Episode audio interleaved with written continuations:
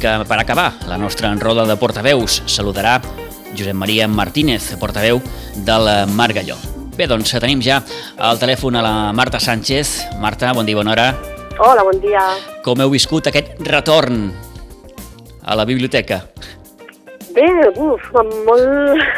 va ser un cap de setmana de ara sí, ara no, ara sí, ara no, pel que fa a, a poder tornar a oferir activitats. Mm -hmm. Per, I llavors, bueno, al final s'ha quedat en que no, però per la resta, doncs, contentes de poder haver fet un pas més i, i haver pogut obrir el servei una miqueta més del que el teníem. Mm -hmm. és, és un segon retorn, diguem-ho així. Va haver doncs, el, el confinament de tants mesos. Veu reobrir, si no recordo malament, Marta, a principis del mes Sí. de juny? Exacte, Ah, que sí? el dia 2 de juny, sí, Mhm. si no recordo malament, només amb préstec i retorns de documents, per això, amb un servei molt, molt limitat. Uh -huh. I després, a partir del 14 de setembre, vam obrir llavors com a, com a espai d'estudi, el servei d'internet i més, a partir d'octubre vam començar amb la programació d'activitats presencials, tot això, doncs, clar, amb limitacions d'aforament i, i amb totes les mesures, però bueno, estàvem així fins al 30 d'octubre. Mhm. que va arribar amb aquest, eh, bé, aquesta segona clatellada, diguem-ho així. Eh, exacte. ara que ja, Marta, mm, han passat uns dies, eh, des del passat 23, com dèiem, eh, els usuaris han pogut de nou eh, retornar a la biblioteca, això sí, mm, amb matisos, eh? Vull dir, hi ha aquest aforament al 50%, eh, Exacte. no, no cal demanar, això sí, cita prèvia ara, no? No, ja no. A partir d'ara ja hem deixat de fer això, no? la, la petició de cita prèvia i va per retornar documents no era necessari, però per agafar en préstec sí, perquè no es podia accedir encara lliurement als prestatges i per tant no podia, l'usuari no podia fer la tria directament, per tant havia de passar no, pels bibliotecaris que havien de, doncs, bueno, eh, ens explicaven el que volien, quins eren els seus interessos, els hi preparàvem. Eh, ara ja no, ja està, ara ja hi ha lliure accés als prestatges, als llibres, a les pel·lícules, a la música. Això la, Josep a la Santiago Rossanyol, perdona. A la Roger Reventós, de moment només tenen aquest accés lliure a la sala d'adults i a la Santiago Rossinyol doncs, a tots els espais. Tornem a tenir també a la Santiago Rossinyol consulta i estudi en sala, sense cita prèvia, servei d'internet i més, en fi. Doncs tot això hem tornat a, a recuperar. Quins serveis encara no estan disponibles, Marta? De moment està disponible les activitats presencials, Mhm. estem fent hores de compte virtuals i a veure, a partir del dia 7, que hi haurà una altra vegada no? les noves indicacions, doncs a veure si ja podem reprendre també doncs, hores de compte, clubs de lectura, presentacions, de moment això no. I a la Biblioteca Josep Roig i Reventós, de moment tampoc no, no hi ha consulta en sala, no hi ha tampoc servei d'internet i més, ni accés a la sala infantil. Uh eh, per cert, parlant de la Roig i Reventós, eh, s'han programat obres a partir del dia 11, Marta? Mhm, Què s'hi- Exacte. què s'hi farà exactament? 11 És un canvi de totes les finestres i de la porta d'accés. Uh -huh. De les finestres que estaven molt malmeses doncs, bueno, dels anys, de l'ús, no? de capes de pintura, i tota la part de finestres que, que donen a la sala infantil, que queden molt enlairades, era molt, molt, vaja, quasi impossible d'obrir. Llavors ara pels temes de ventilació s'ha de facilitar, no? De, bueno, en fi, la possibilitat de que, de que es puguin ventilar tots els espais, sobretot aquests, no?, de la sala infantil, i la porta també, quan es va instal·lar l'antifurt, amb, amb el tema d'autoprèstec, doncs es va canviar la porta, es va posar una de provisional i ara doncs, es posarà definitiva una porta, una porta bé, vaja. Com Déu mana, eh? Com Déu mana, Com exacte. Déu mana. Eh, si tot va bé, si tot va bé, a Mhm. principis de l'any que ve això hauria d'estar enllestit. Sí, exacte, Mm. sí, sí, sí. Clar, de fet, s'ha de preparar tot l'espai, no?, per, per les obres, doncs s'ha de tapar tots els llibres, les prestatgeries, per tant hi ha uns dies de preparació, i després també hi haurà uns dies doncs, de preparació per la reobertura. Per tant, ens enganxa això, no?, entre festes de Nadal i tot, doncs un tancament de l'11 de desembre fins al 4 de gener. Uh -huh.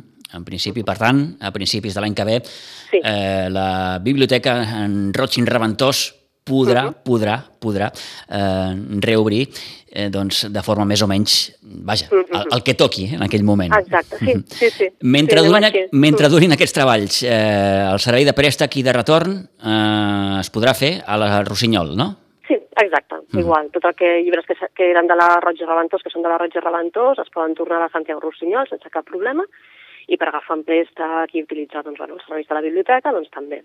Sí, com sempre, amb el mateix carnet i sense cap problema. Mhm. Eh, crec recordar, Marta, que ja en vas parlar en una altra ocasió, però què és la plataforma eBiblio?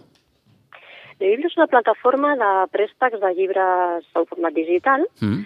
i és això, amb el carnet de les biblioteques, de qualsevol biblioteca, s'accedeix en aquesta plataforma i es poden agafar en préstec els documents i llibres i revistes i després a la plataforma eFilm on hi ha pel·lícules.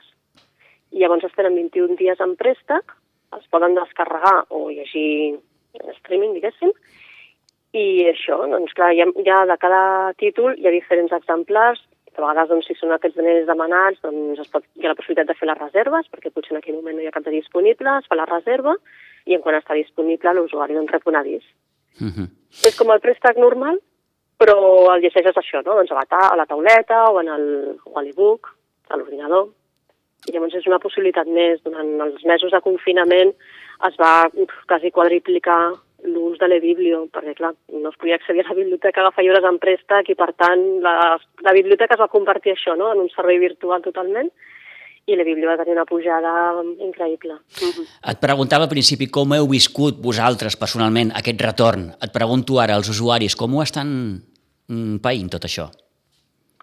Doncs mica en mica, però molt contents, quan sobretot això, el fet de poder tocar el llibre, de poder accedir, de poder triar lliurement, això, clar, és, és moltíssim, no? Llavors ara que ho estem dient, i que la gent encara potser truca, no?, per demanar cita prèvia, no, no, que ja no cal, ai, que bé, que bé! És un mal de cap, això, és un mal de cap per tots plegats, eh, crec, perquè el que podem fer, sí, el que no, no veure, podem fer... Fet, mm. Clar, clar, hem fet el millor que hem sapigut, no?, i, vaja, els usuaris doncs, també ens ho han posat molt fàcil, però de totes maneres, sí que, clar, amb tot això també hem descobert coses, com ara que comentàvem, no?, de l'e-biblio, que l'ús durant els mesos de confinament va pujar moltíssim i s'està mantenint, vull dir que molta gent ho ha descobert com una eina més i, i ara compatible amb el préstec presencial, no?, amb el llibre físic.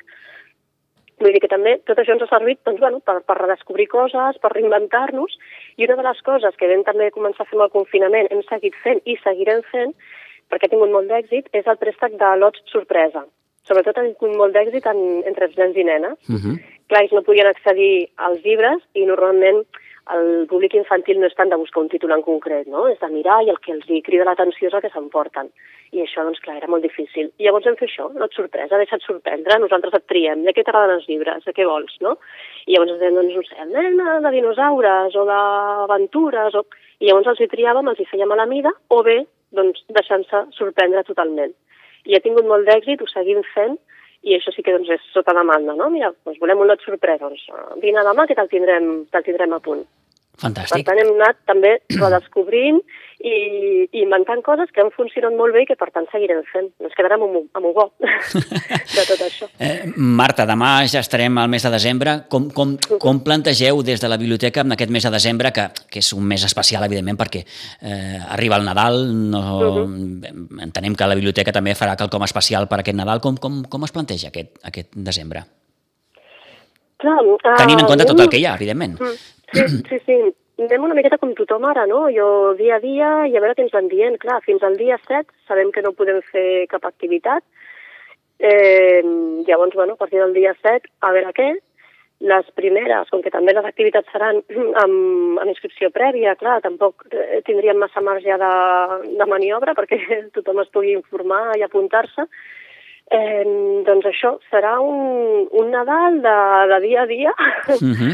Sí que tenim preparada una exposició de, de diorames en miniatura a les vitrines de l'entrada, això sí que es podrà fer. Sí. I, I per la resta, doncs a veure, si el que tenim programat es podrà tirar endavant o no. Estem a l'expectativa, aviam, el dia, del dia 7, ja et dic, el, la setmana passada va ser que van dir sí, sí, podrem obrir les biblioteques, això, no?, amb lliure accés als prestatges, activitats, i una, com una activitat molt, molt normal, i després el DOC va sortir publicat que no es podien fer activitats a les biblioteques. Llavors que va ser de, ostres, ara, no? Per què no? També seguim totes les normatives, són amb, un aforament molt petit, en el nostre cas són 15 persones, 17 potser com a molt, però bé, en fi, en tot cas seguim el que ens van dient.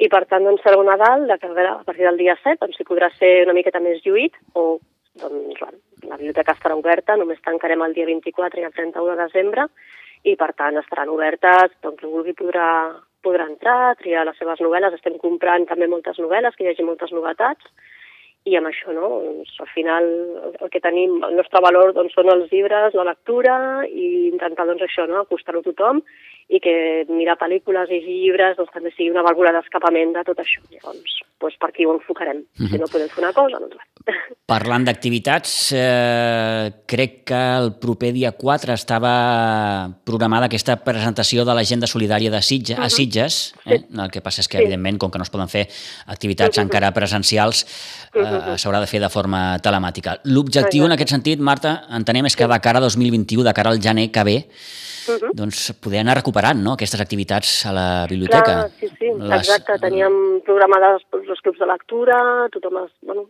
estava tot en marxa. Hores del conte. Les hores del, les hores del conte, les que no es poden fer presencials, doncs les reconvertim en virtuals. Molt agraïts també als narradors orals que s'estan clar, mm, queden ara unes, unes, uns bolos, diguéssim, molt limitats, perquè no poden treballar en museus, en biblioteques, en fi, en bona part no, dels equipaments que es contractaven, i per tant doncs, també fer-ho virtual per ells és un ajut i a part que és una cosa xula també, no? de poder escoltar l'hora del conte des del sofà de casa, doncs també està molt bé i estan fent coses molt maques els narradors en format virtual també. Bé, és allò que deies abans, no? Hem perdut coses però n'hem guanyat unes mm. altres. Mm, sí, és, sí, sí, ens hem descobert amb noves, fent les coses d'una altra manera. No sé si que, que és una de les lliçons, és una de les lliçons que, que ens deixa aquesta maleïda pandèmia.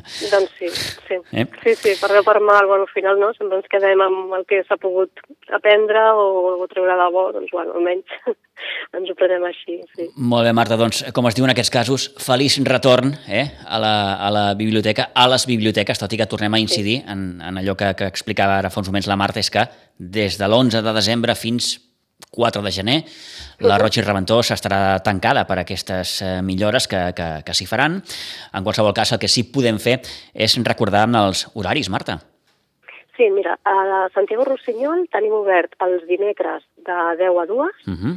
i la resta de dies a la tarda, dilluns, dimarts, dijous i divendres, de 15 a 30 a 20, de dos quarts de 4 a, a 8 del vespre. Perfecte. I a la Josep Roig i Reventós tenen obert fins al dia 11, els dimarts i els dijous al matí, de 10 a 2, i la resta de les tardes, dilluns, dimecres i divendres, amb el mateix horari, de dos quarts de quatre a vuit. Bé, i no cal que els diem que si volen seguir tot el dia a dia i l'activitat de les biblioteques, les xarxes socials sempre doncs, representen un bon exponent, tant Instagram com Twitter, eh, arroba Bibliositges, i al Facebook Biblioteques de Sitges, allà podran seguir tota l'activitat i tot el dia a dia de les eh, biblioteques. Anem a parlar amb la Marta Sánchez, a qui agraïm aquests minuts. Marta, moltes gràcies. A vosaltres. Bon retorn, que vagi molt bé. Adéu-siau. Gràcies, adéu.